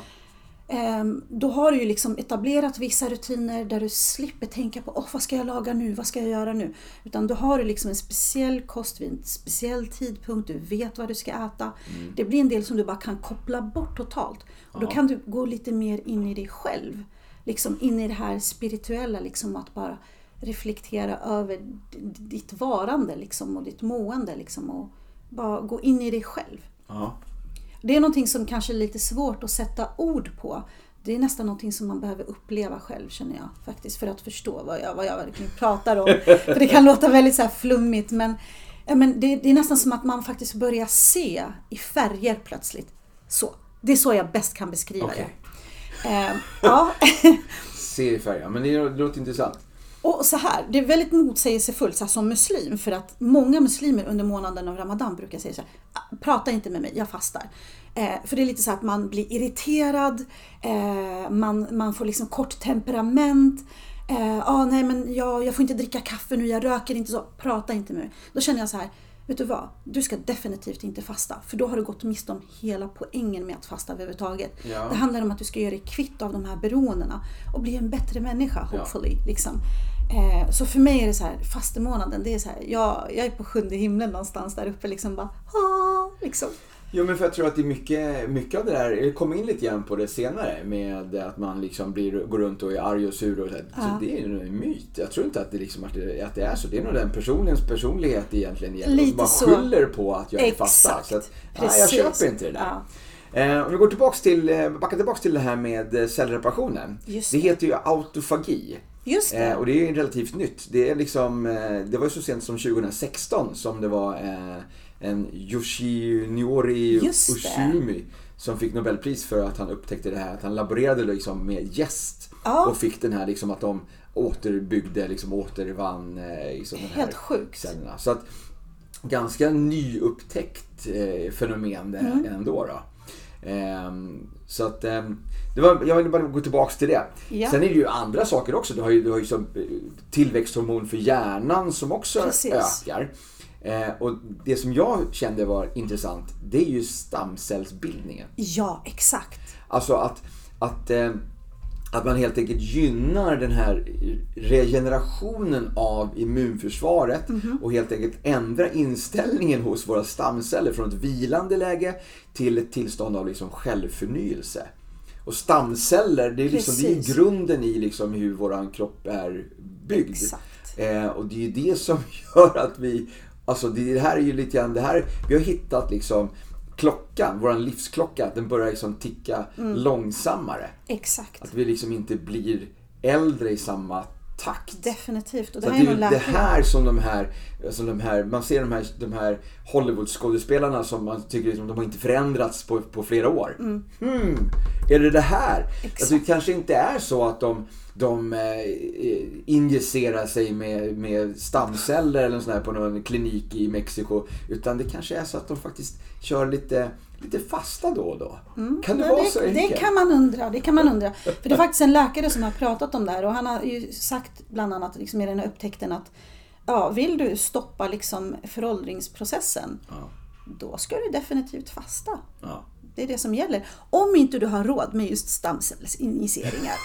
Wink. Men det, var väl, det är väl typ såhär, det går väl rykten om Mel Gibson när åkte ner mycket liksom, körde liksom stamcellsgrejer. och Ja. han ser inte så jävla fräsch ut idag. Nej. Eh, Då finns, det, då finns det ju många andra som jag skulle peka på som, som man tycker liksom har inte förändrats någonting. Salma Hayek eh, till exempel. Eh, hon ser ju fortfarande ut som hon liksom är 30 fast Ja, hon liksom så fyllt, var- ja. fyllt 50. Vad är vissas hemlighet? Ja men Ja. precis, jag tror att det, det kan mycket väl vara liksom det Mm. att, att man, man tar hand om kroppen, att man äter eh, bra, bra råvaror, man eh, sover bra, man eh, fastar, man eh, tillför eh, hyaluronsyra, andra Mm. ämnen till sin hud. Helt enkelt. Jag tror att det är liksom att det är, det är inte jättesvårt Nej. att, liksom att, att göra de här sakerna. Jag- Och jag tror inte du behöver ha jättemycket pengar för att göra det här heller. Nej. Vetenskapen finns där. Den Precis. finns där ute. Om du bara liksom kör en liten enkel eh, sökning på internet. Jag skulle inte säga jag vill inte säga googling Mm. Nej. för att jag använder själv inte Google för att jag Nej. tycker Google ger fel, eh, fel svar. Testa det här. Testa det här. Om det är någonting som du vill- vill veta, gå in på, på, på två olika eh, hemsidor eller webbsidor här nu då. Använd Google på den ena och använd DuckDuckGo på den andra. Och så söker du på samma sak och så kollar du på, på resultaten. Hur många reklam eh, svar du får från, från Google först eh, och hur många fakta du får från. DuckDuckGo. Ja. Dessutom, det som är intressant med att man gör en sökning via DuckDuckGo, det är att den heller inte sparar dina, dina sök, eh, sökningar och, och matar dig med reklam. Precis, från riktat. Kör du en Google-sökning på, på hus i Spanien så kommer ditt flöde vara fyllt med reklam för hus i Spanien. Mm. Men det får du inte om du söker via DuckDuckGo. Okej, det var en parentes. Ja, men parentesen apropå Google. Folk brukar säga Google is your best friend. Men det är det absolut inte. Utan snarare Nej, nej, liksom nej. att läsa, ta del av forskningsstudier liksom och... eh, Och de hittar du inte om du söker via Google. Definitivt De inte. finns där ute, men Ja. de är dolda. De, är, de, är liksom, de sidorna är, är, kommer långt, långt ner på listan. Eh, för att det finns så mycket annat som de hellre vill att du ska Precis. se. Okej, nu Så ska det här vi med ta av oss... autofagin Eh, är, ny. Men också om vi ska prata biokemiskt, med BDNF till exempel. ja, ja. shoot. Ja, vad, vet du, vad, vet, vad vet du om BDNF? Jag kan inte det på svenska utan eh, vad heter det? Nej, jag vet inte heller. Body derived neuro, neurotropic factors. Okej, Det är någonting som ökar i kroppen. ja. Alltså de här liksom välmående eh, hormoner som Ja, ökar okej, i kroppen med Ja. fasta. Yes, jag är lite inne på, precis, jag har eh, skrivit ner lite grann om att eh, det är inte samma sak, men jag, just glykemisk kontroll och insulinmotståndskraften ökar. Eh, och minskning av leptinnivån. Och det är ju, Just det är ju ett liksom, mättnadshormon. Så det har ju återigen lite med viktminskning att göra. Då. Men det signalerar också till hjärnan att du liksom äter tillräckligt. Så att liksom, det som också Överviktiga lider ju inte bara av insulinresistans utan även av le- leptinresistans. Just det. Eh, men också en annan eh, ökning av adiopon, adioponekins eh, koncentrationen. Det är en annan hormon som reglerar glukosnivån och fettsyrekatabolismen i kroppen. Mm. Och påverkar insulinkänsligheten och eh, motverkar inflammationer. Så det här har liksom lite grann med Precis. Mm. inflammationen att göra. Då. Med två andra hormoner som, eh, som ökar som jag kom in på bara. Så. Men, eh, Och tillbaka till, jag vill gärna stanna där vid ordet inflammationer ja, och autoimmuna sjukdomar. ja, För det är ju liksom, det är ju via tarmen det går. ja. Så genom liksom att tarmen får vila eh, och reparera sig själv så blir den ju liksom mer motståndskraftig. Du får också chansen där att liksom återställa din kost, se över, utesluta, eh, vilket gör att man kan liksom förbättra sin hälsa. Ja, och eh, leva längre. Ja. Det, är också, det har man ju också sett i studier både på djur och människor att de här vita blodkropparna minskar. Mm. Alltså mycket. Precis. Eh, och det, det, är också det som, som triggar lite den här stamcellsbaserade eh, liksom, regenerationen i immuncellerna. Mm. Eh, men det minskar även eh, PKA-enzymet som kopplat till åldrande. Eh, och det är även eh, kopplat till tumörprogression och cancer. Så ja. det minskar liksom riskerna för, för tumörcancer. Och det har man också använt. Man har använt fasta vid cancerbehandlingar. Precis. Alltså i, i cancer Ja men precis, i cancerbehandlingen så har man liksom rekommenderat cancer, alltså att man fastar. Eh, och det här har då eh, gjort att man fått färre biverkningar från cellgiftsbehandlingen. Eh, men också att det saktar ner tumör, tumörtillväxten och tumörspridningen. Precis. Så att, liksom att du, du minskar risken för att den här tumören sprider sig någonstans eller att den, att den kommer tillbaka också. Precis, och det har liksom förstärkt stamcellsregenerationen. Exakt. Eh, vilket har gjort liksom att ja, tumörer inte har återkommit. Och det som är intressant där, apropå cancer, det är ju att det har gjorts en studie i Bostons universitet, nu minns jag inte exakt vilket år det här var. Eh, men där har man gjort studier och det har visat sig då att eh, vid en sju dagars fasta så har man kunnat påvisa att risken för att få cancer har minskat med hela 70 procent.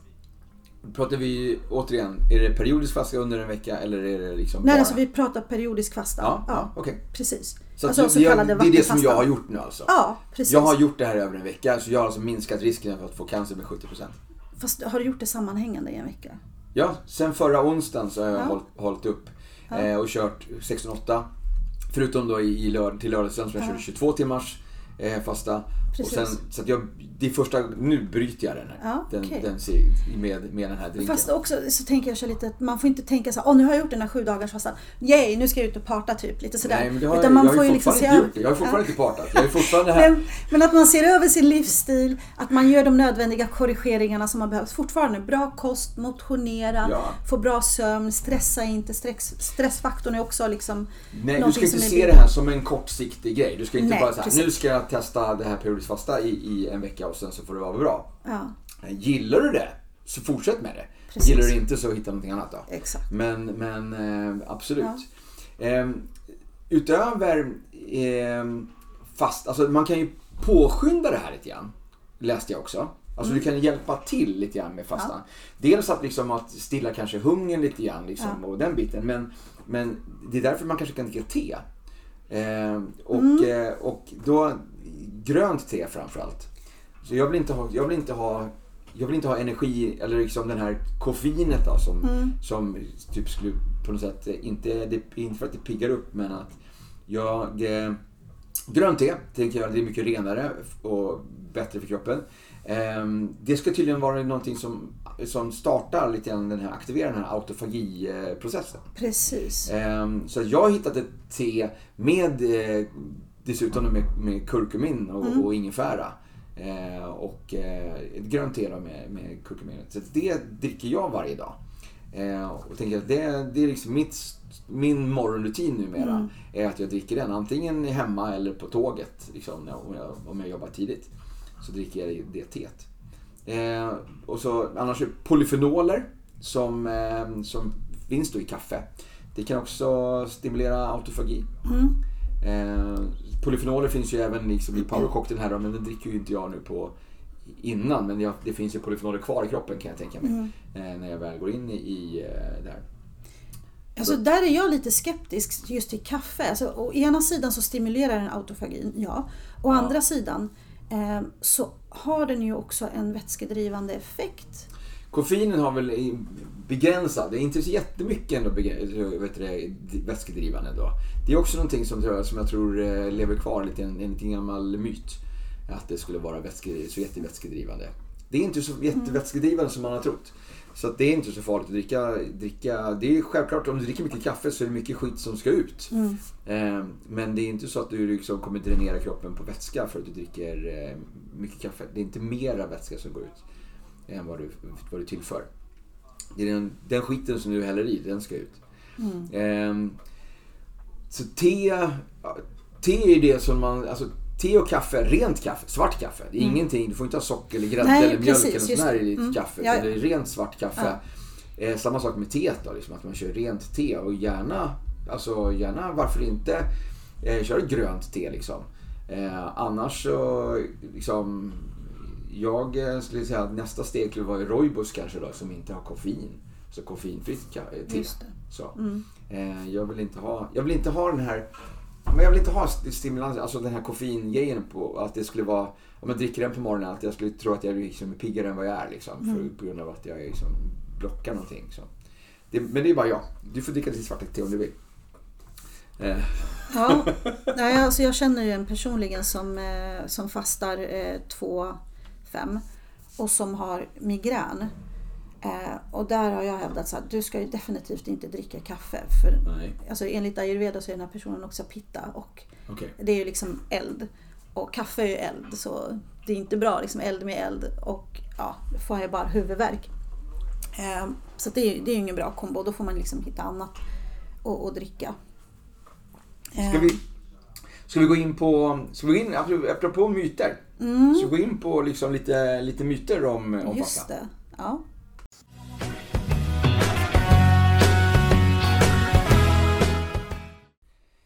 Nu blir det lite reklam. I veckans avsnitt så dricker vi Power Cocktail från Fitline. Enkelt beskrivet skulle man kunna kalla det för en multivitamindrink. Den innehåller ju A, B, C och E-vitamin. Men det är långt från alla fördelar med den här drinken. En viktig detalj är varifrån dessa vitaminer kommer. Det är inte kemiskt framställda utan kommer från frukter, grönsaker och bär. Faktiskt extrakt från sju olika grönsaker, fyra frukter, sex bär och fem kryddor, inklusive gurkmeja, ingefära och kanel. En sån här portionspåse på 15 gram innehåller näringsämnen motsvarande nästan 1,5 kilo frukt, grönt och bär.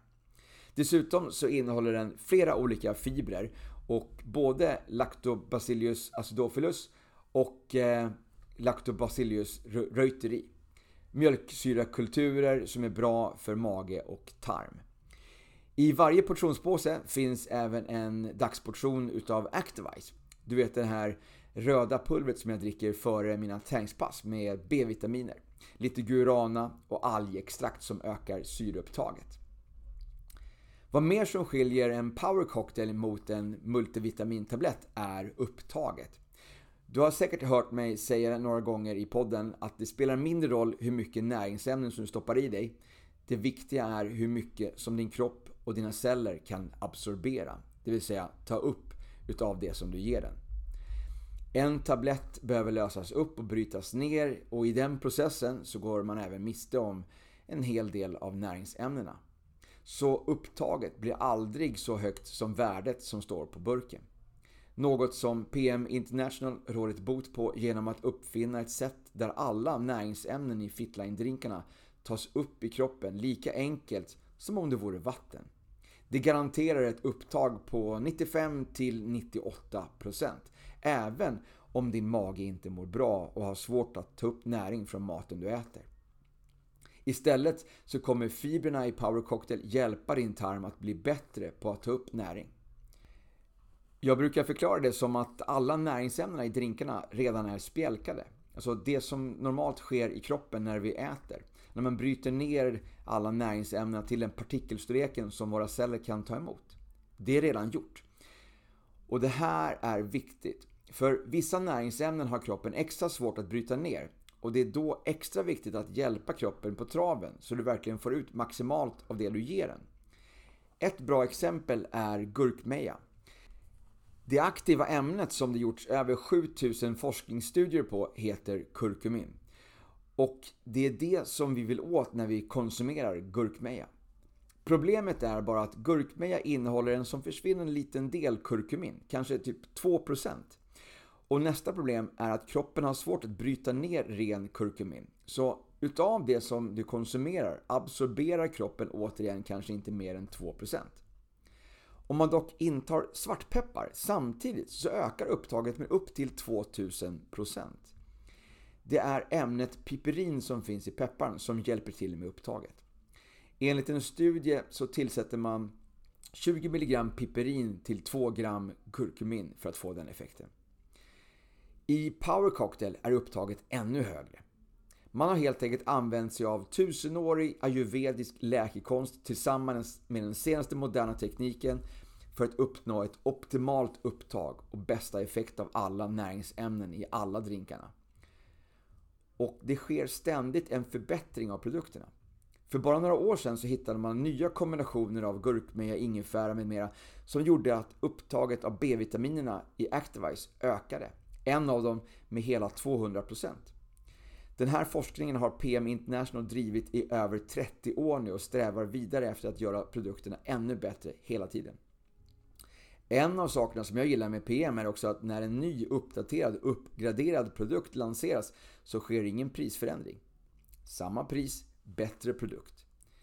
Kan du ge mig ett annat exempel på det när det sker? Man har också gjort studier på den här. Och praktiska studien var med 50 personer slumpmässigt utvalda som man tog blodprov och avföringstest ifrån. Och sen bara frågade hur de kände efter att de hade druckit den här drinken i tre månader. Och där var det också en, upp till 84% av gruppen som, som kände att deras välmående och allmänna välbefinnande eh, och matsmältning hade förbättrats.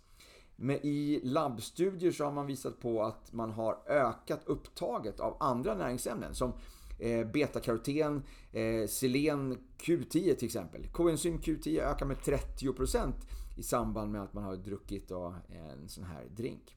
Så det är inte bara att man känner sig välmående utan det är också bevisat att det vitaliserar tarmfloran och eh, det, det gör att du får en, en förbättrad tarmflora helt enkelt. Power Cocktail är vegansk, laktos och glutenfri. Och eh, en sån här förpackning med 30 portionspåsar kostar 1102 kronor. Det blir alltså lite mer än 37 kronor per eh, påse. Och du hittar den på min webbshop www.goforfitline.se med en 4. Nu tillbaka till veckans poddavsnitt.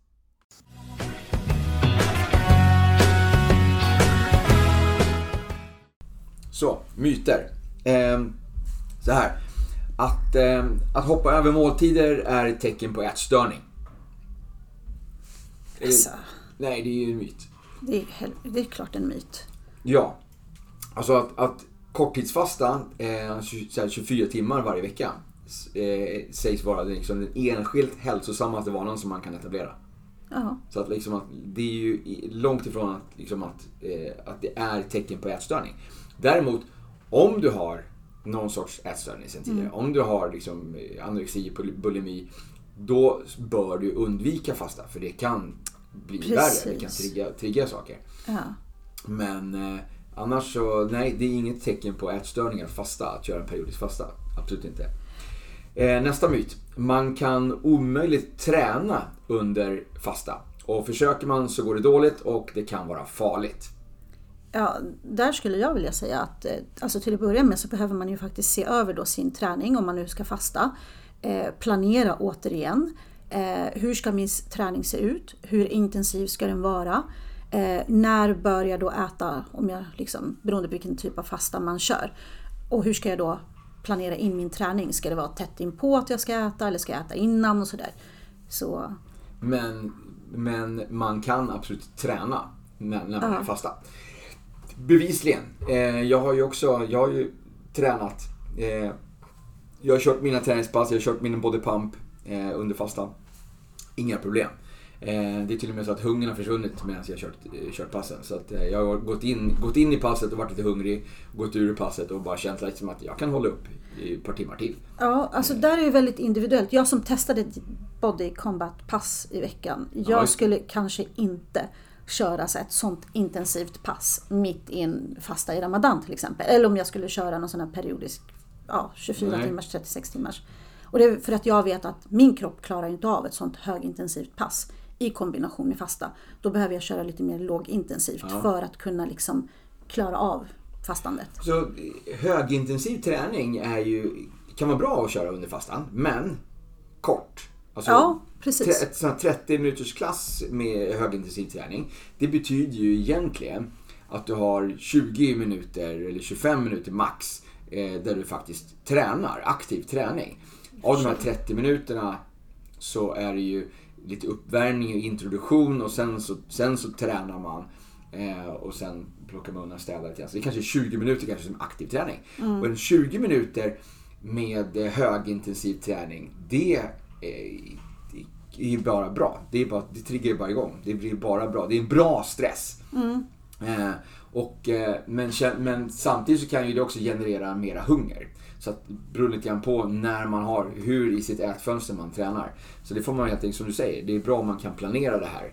Eh, och inte, och inte eh, köra det liksom det första man gör på, på morgonen och sen, ja, nu får jag inte äta på, på liksom 16 timmar. Mm. Eh, om man har liksom upplägget på det sättet. Um, lite grann som jag var inne på också, att man blir trög, man blir trög i huvudet av fasta. I en myt. Mm. Alltså det, jag har snackat med så många som säger att de är mycket mer skärpta i huvudet. 100 När de inte äter. Alltså, mm. Och jag har hört en kille som, som sa att eh, eh han har alla sina morgonmöten ja. fastande.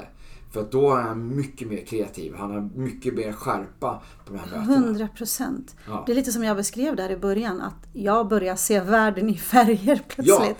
Ja. Det, det, är liksom, det är under den här fettförbränningen, om man hamnar i den här ketosen. Just det. Eh, ketoser, är så ketos, det är liksom, ketonerna det är ju liksom ett superbränsle för hjärnan. Mm. Så att kan man hamna där liksom, så har ju liksom, hjärnan har ju liksom evolutionärt lärt sig att älska ketoner. Så det är, liksom, det är ju någonting primalt. Liksom. Och där är ju ytterligare en annan myt i det här egentligen också. Just att hjärnan tydligen bara ska gå på eh, kolhydrater. kolhydrater. Men det har ju visat sig att hjärnan älskar ju verkligen ketoner som för, förbränning. Precis. Eh, och det här, det här med fastandet går ju så långt tillbaka till Sokrates tid där han var tillfrågad. Varför fastar du? Och då hade han sagt, jag fastar för mental klarsynthet. Ja, du ser. Det är mycket, mycket klokt som kommer från gamla Grekland. Verkligen. ja. All right. Det, denna myt så säger att, liksom att fasta är negativt. Det är ohälsosamt. En dum modern trend. Det har vi redan, det har vi redan slagit hål på kan vi säga. Liksom, ja. om, redan Sokrates eh, körde fasta så... Ja.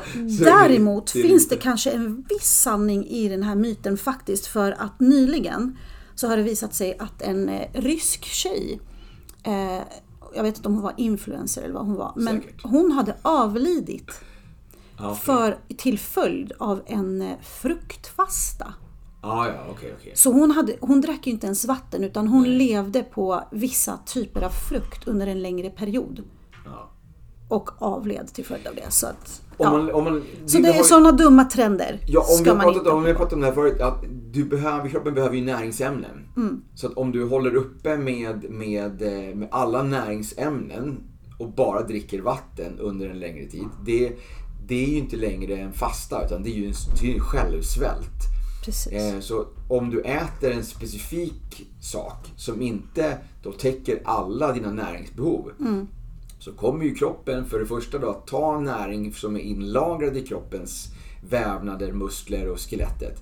Men när det inte finns längre, ja, då har du ju brister som successivt kommer göra att du blir sjukare och ja, tyvärr kanske till och med att du avlider. Då.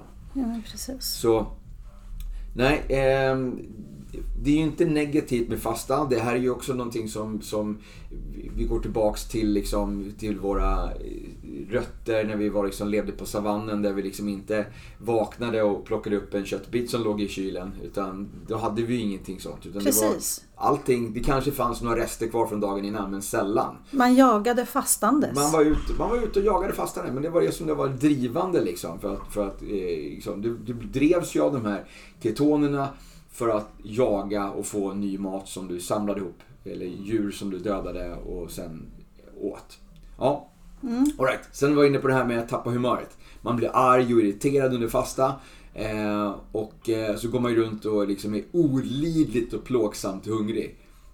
Nej. Ja, det är bara tecken på dålig karaktär. Ja, jag tror det. Då får jag man bara jobba på sin karaktär. Jag tror att det är liksom, det är, det är liksom bara, det är en personlighet man, man, man, har, man, är, man har dåligt humör, man har, man har kort stubin. Mm. Eh, och sen när man fastar så då sätter man liksom bara, skyller man på det. Precis, och där kan man ju vända på det och säga att, att fasta är karaktärsbyggande faktiskt. Ja, verkligen. Där får man verkligen jobba med sin självkontroll, att liksom behärska sig, att bli medveten om hur man uppför sig och beter sig och korrigera. Yes. Mm. För det är också någonting som jag har fått höra från flera som jag pratat om, att de har sitt bästa humör under fastan. Så mm. att eh, det är alltså absolut, det är precis som du säger, karaktär och, och moral. Eh, en annan myt. Man kan dricka juicer och shakes under fastan. Så länge det är bara flytande föda så är det liksom, och att det är nyttigt. Mm. Nej. Ja, men, alltså återigen, varför du, gör du det här? Då bryter du ju fastan. Ja. Om du tillför någonting under den här, liksom, om du tillför någon energigivande källa, då kommer ju kroppen att använda det som energikälla och inte Av det, här, det lagrade. Det lagrade. Mm. Precis, det är ju det som vi vill åt. Vi vill ju åt de här, de här eh, lagrade energierna, depåerna som vi har lagrat i fett i kroppen. Precis. Um, så nej, det kan du absolut inte göra. Du kan inte dricka massa socker och liksom köra sånt. Det, det funkar liksom inte. Utan mm. kaffe, te och vatten, that's it. Inte ens några här eh, sockerfria konstiga liksom, safter och läsker. Nej men de är ju ännu värre. Det är ju bara massa skit i dem som kommer stressa kroppen mer. Så det, nej. Det, det är sånt som inte ens hör hemma i kroppen. Exakt, exakt. Liksom. Nej. Alright. Um, vi måste vanemässigt äta kolhydrater och socker för att hjärnan använder det. Det var vi liksom inne på. Eh, så, så därför så är fastan dumt. Eh, och eh, svaret som jag har, som jag läste här, var liksom på den här myten. Har du hört talas om en essentiell sockerart? Typ, vi har ju essentiella fettsyror, vi har essentiella aminosyror. Livsviktiga. Finns mm. det en mm. livsviktig sockerart? Nej, det, det finns inte. Så det finns inte, det finns, kolhydrater klarar vi oss utan eh, helt och hållet om vi så vill. Verkligen. Vi kan, vi kan leva på fett och, fett och protein egentligen. Verkligen, och det är det som du nämnde där innan. Det är liksom de här depåerna man vill till eh, och det här ketogena stadiet eh, ja. där kroppen omvandlar vissa eh, ämnen till andra. Precis. Ehm, sen den sista, den sista eh, myten som jag läste, eh, som jag fick eh, här från Jonas Kolting kan jag säga faktiskt. jag kan säga att den här är ganska vinklad. Mm -hmm. det står den myten är så här, jag litar på forskningen som säger att vi ska äta fem gånger om dagen, undvika det farliga köttet och den fal, det farliga mättade fettet. Vi ska istället äta vår gröt, vegansk långsam mat och ultraprocessade växtoljor. Som du wow. märker så är det ganska vinklad. Ja. Eh, så. Men hans, hans svar på det här är ju då ja, samma forskning som gjort vår generation till den sjukaste, fetaste och mest medicinsberoende, ängsligaste och mest olyckliga generationen i människans historia. Den forskningen. Exakt va. Verkligen. Eh, den här senaste dokumentären som man såg om vegansk mat. Mm.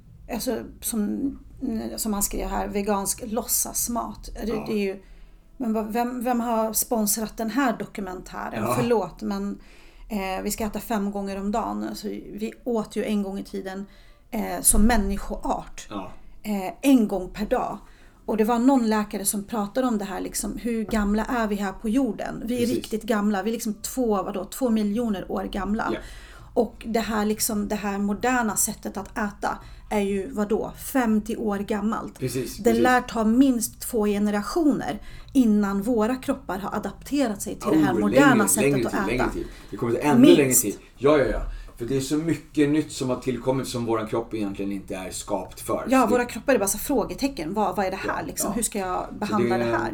Och, och det är liksom vill vi dit? Och cancern är ju egentligen bara det första liksom, symptomet på att våra kroppar reagerar mot ja, det här ja. moderna sättet att äta. Precis. Och som jag, som jag, alltså, vill vi dit? Vill vi adaptera till det? Mm. Eller ska vi kanske börja tänka och gå tillbaks till Precis. som det var? Istället för att Istället för att tvinga kroppen till att liksom ta emot alla mm. de här ultraprocessade materna ja. och försöka, försöka göra så att vi, vi klarar av det.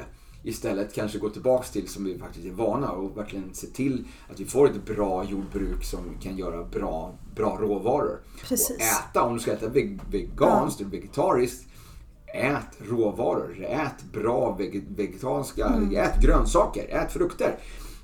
Inte den här I can't believe it's not meat. Mm. Alltså, ja men verkligen. liksom de, här, de här konstiga grejerna som dyker upp liksom i, i, eh, i frysdiskarna som mm. innehåller ännu mer ultraprocessat mm. än, än eh, de här eh, fiskpinnarna som ligger i disken bredvid. Mm. Liksom. Jag som den träslöjdande nörden jag är, jag är ju väldigt mycket för det här med hållbarhet och att konsumera hållbart. Därför tycker jag att ur även ett ekologiskt perspektiv är fastandet en sån bra grej att göra. För att inte lugnar du bara kroppen, men även den här konsumtionshetsen.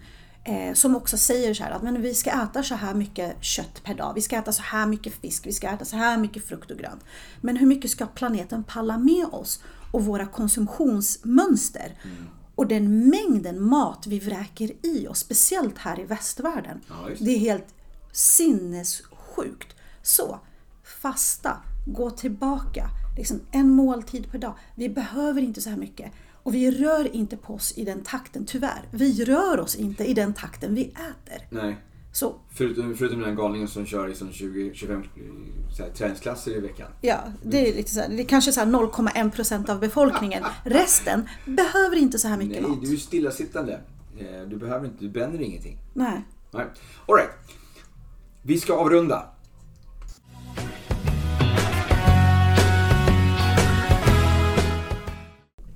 Så vi drar några tips på hur man liksom ska lyckas eh, som bäst med fasta och, komma igång som bäst med fasta. Vi har varit inne lite grann på det tidigare. Eh, det här med att man kanske ska börja lite sakta. Alltså man, man kanske börjar 10-14 och sen så ökar man det här ätfönstret. Eller man minskar ät, ätfönstret. Man ökar eh, tiden som man fastar. Från så 11, 13, 13, 11, 15, 9 och sen så kan man liksom så 8, 16 eller kanske till och med mer. Mm. Eh, men att man liksom inte slänger sig på det på en gång och kör 24. Utan så här, så, som jag gjorde här nu då. Eh, och dessutom slutade med koffeinhaltiga drycker samtidigt. Eh, skitsmart! eh, drick mycket vatten. Mm. Alltså drick mer vatten än vad du gör Precis. Om du äter som vanligt och dricker mm. mycket vatten, så ja. drick mera vatten. Och bli inte orolig om du börjar plötsligt få huvudvärk och tänker så åh nej, nu håller kroppen på att kollapsa. Mm. Utan då kan man tillägga lite salt och helst kanske Himalaya-salt i vattnet precis, som man dricker. Precis. För då återställer man balansen det, igen. Precis, det är också en, en, en punkt som jag har, liksom att, eh, att man ska äta tillräckligt med salt. Men kanske, det beror ju också på lite grann vad man har för, vad man har för kostvanor.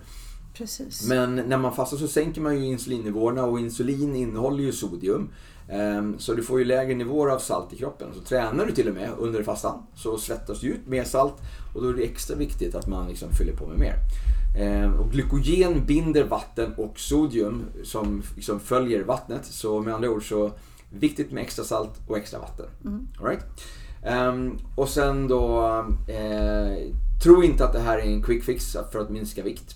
Så liksom, se det liksom, se det inte som en diet utan, utan liksom, mera som en livsstilsförändring. Exakt. Eh, det är ett tips. Eh, och ät tillräckligt under ditt ätfönster. Äter du för lite så kommer du trycka i dig, eller tycka att det är svårare än vad det behöver vara. Mm. Och du kommer liksom äta onyttigt och trycka i dig mera saker än vad du faktiskt behöver. Liksom. Men också att äter du för lite, om du går in för, för hårt i det här, eh, så kan det ju bli att liksom bli för hungrig och helt enkelt ger upp. Eller hur? Precis. Så att man inte full, fullföljer det hela. Eh, ät inte för mycket kolhydrater. Eh, kolhydraterna höjer ju insulinvärdet i blodet och det är lite grann det som vi vill liksom motverka. Mm. Eh, och nackdelen med att äta mycket kolhydrater är ju att du inte kommer hamna i det här läget där kroppen förbränner fett. Utan istället kommer liksom lagra mera fett. Precis. Eh, så det kommer också göra hungern svårare att hantera och du kommer få kraftigare hungersignaler. Så mm. ät inte för mycket kolhydrater. Och ät inte för mycket protein heller. Alltså, vi ska försöka hitta en bra balans. Precis. Helt för protein är ju bra. Protein är ju liksom våra, där får vi våra aminosyror som är byggstenar för muskler, för skelett och kollagen i huden och håret. Ehm, och aminosyror bidrar, bidrar även till den hormonella balansen. Mm. Så det kan ju också vara bra för den här personen som kanske har lite så här, humörsvängningar. Då. Ehm, men man ska inte överdriva. Alltså, ät inte liksom bara kött eh, liksom varje måltid och sen en proteindrink liksom mellan måltiderna. Ehm, för mycket protein övergår ju också till glukos. Så att undvik de här proteindrinkarna som kanske innehåller mycket tillsatser och gå mera på liksom oprocessade källor. 100 procent. Ja. Och det, det, även läkare som har avrått från just det här proteindrinkar liksom, och tillföra liksom, extra protein. Det räcker med liksom, det som finns. Alltså jag, jag käkar ju mina måltider. Jag äter ju mycket proteinbaserat. Jag kör återigen paleo-tänket lite grann. Så det är, mycket, det är mycket fisk och det är mycket kyckling. Ehm, men jag tar ju aminosyror utöver det. Kapslar. Bara essentiella aminosyror. Så att jag tillför ju inte de här andra sakerna som följer med med ett baypulver. Alla de andra tillsatserna som följer med. Speciellt om du har ett smaksatt mm. pulver. Som alla konstiga sötningsmedel och allt sånt som följer med där. Ja. Undvik, undvik det. Undvik det. Okej. Okay. Och ät inte för mycket fett. Eh, så om du ger kroppen mera fett så liksom, till den här dagliga förbränningen så kommer du aldrig hamna i att du förbränner det lagrade fettet. Så begränsa liksom fettintaget också. Och ät inte för mycket kalorier. Alltså försök se till liksom så att du äter då, om man kör den här 8-16, man äter två mål om dagen. Så att, att inte varje måltid skulle vara liksom på 1500 kalorier styck. Ja. Utan man liksom begränsar lite grann så att du liksom faktiskt kommer att successivt gå ner i vikt istället för att öka. Eh, andra tips var väl liksom att eh, eh, stressa mindre. Alltså sov bättre. Just för att liksom det här höga kolesterolet, eh, eller kortisolet menar jag. Precis. Hög, högt kortisol kan ju liksom göra att du blir liksom lite, stressar kroppen och får lite sämre effekt av det hela. Eh, så därför så rekommenderar jag att man tränar mindre anaerobiskt. Alltså att man ska träna på en nivå där man inte flåsar så mycket. Om man då, eh, men som jag sa tidigare, en sån här högintensiv intervallträningspass på 30 minuter. En sånt där man tränar 20 minuter aktivt. Det kan vara positivt. Men att vara ute och springa en maraton eller köra Vasaloppet där du flåsar, där Precis. du ligger på en sån nivå en ja. längre tid. Det bör man då undvika i, i faste perioder. Eh, så då kommer du också liksom få mera hjälp med, eh, med hunger, hungerkänsla också. Liksom. Eh, så där kan man också eh, hjälpa till med eh, kortisolet genom att mera andas och meditera. Mm. Jag, jag, det är en annan positiv sak som jag har märkt av med mina vanliga dagsrutiner. Den här andningsrutinen som jag kör, den här Wim Hof-inspirerade mm. andningsrutinen. Har jag också känt att den har fått mera, bättre effekt när jag har gjort den nu på morgnarna när jag faktiskt har fastat en längre tid. Att tidigare så var, har det varit så, jag har ju som satt klockan tidigare. Så det har ju fortfarande varit, jag har ätit en sen middag, sovit och sen så har jag liksom vaknat liksom klockan fyra för att köra den här andningsrutinen och sen duschat och åkt iväg till jobbet. Ehm, I andra fall så har det varit så att jag har liksom ätit innan jag har eh, åkt hemifrån. Och så har jag kört ett pass på, på, på Sats och sen så har jag lagt mig liksom och, mm. och kört andningsövningen. Men det har inte varit lika effektfullt känner jag som nu när jag åker hemifrån utan att äta kör mitt träningspass och sen lägger mig och kör den här andningsövningen. Mm. Då har jag känt att jag kan hålla andan ännu längre och då var det ännu enklare att göra det här än att det var än tidigare. Precis. Man får ju också tänka på att eh, per 100 konsumerade kalorier så går det åt ungefär 60 70 kalorier att förbränna den maten. Ja. Så den energin som skulle ha gått till liksom hela den här smältningsprocessen det är liksom energi som du får dig till godo till andra aktiviteter. Ja, så ja, därav liksom den här skärpta eh, upplevelsen, att man liksom upplever sig som att man är starkare, mer skärpt, klarsynt och så vidare. Att man klarar av andra saker mycket bättre. Yes. Sista tipset. undvik att överkompensera. Ja. Mm. alltså att man, liksom, att man går in i det här att man, man, man börjar med 18, eh, fasta 18 timmar mm. helt från scratch. Och då kanske då när man väl ska äta, mm. äter för mycket. Man kanske äter tre måltider i en sittning. Liksom. Ja. Eh, och ja, självklart så det här blir ju inte en, en positiv effekt utav det. Verkligen snarare inte. tvärtom. Eller att man äter skräpmat grann som vi var inne på liksom, förut. Så ät normala stora portioner, ät dig mätt. Eh, kanske lågkalorimat eh, med mycket näring, ja. näringstäthet liksom i.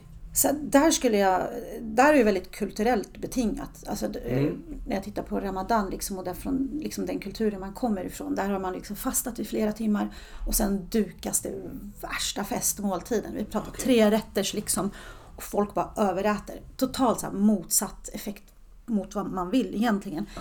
Där skulle jag verkligen säga så här, lyssna till din kropp. För ja. att när man har fastat, oavsett hur många timmar det nu har varit, då kommer kroppen vara väldigt bra på att tala om för dig, vet du vad? Nu är du mätt. Om du äter lite mer efter, då är det mer så här, åh det här var gott. Mm. Eller mer så här hjärnan som är inne i det här survival mode. Nu behöver vi fylla på för nu svälter vi ihjäl. Ja, då är så här, precis, då är du på svält istället. Precis, bara så här, lyssna på magen. Nej, vet du vad? Det här är bra just nu. Bara lämna bordet, gå iväg. Om du fortfarande känner sen efter en stund så här, liksom att du har gått runt och gjort lite aktiviteter. Nej men jag är fortfarande lite hungrig. Ja, men gå tillbaka och ät då. Ja. Men liksom överät inte dig. Utan eh, låt Nej, magen liksom få tala om för dig vad som gäller. Det har ju också lite grann med att om du, om du äter långsamt så hinner ju de här hormonerna Precis. signalera till, till hjärnan att du faktiskt har ätit tillräckligt, ja. att du är mätt. Men om du trycker i dig allt det här så kommer liksom det här... Det går du, för fort. När du väl får den signalen om att du är mätt, då ligger det ju massa mat som är på väg Exakt. I, i tarmen redan. Mm. Så att då har du liksom, då har du förätit dig helt enkelt. Ehm, Så att, ja, det är mm. många, många bra tips. Ehm, jag... Ehm, mitt, mina tips är ju helt enkelt, mitt bästa tips är att börja försiktigt helt enkelt. Absolut. Att, och, och ditt bästa tips tycker jag är liksom är bara fråga dig varför. Varför gör du det här? Mm.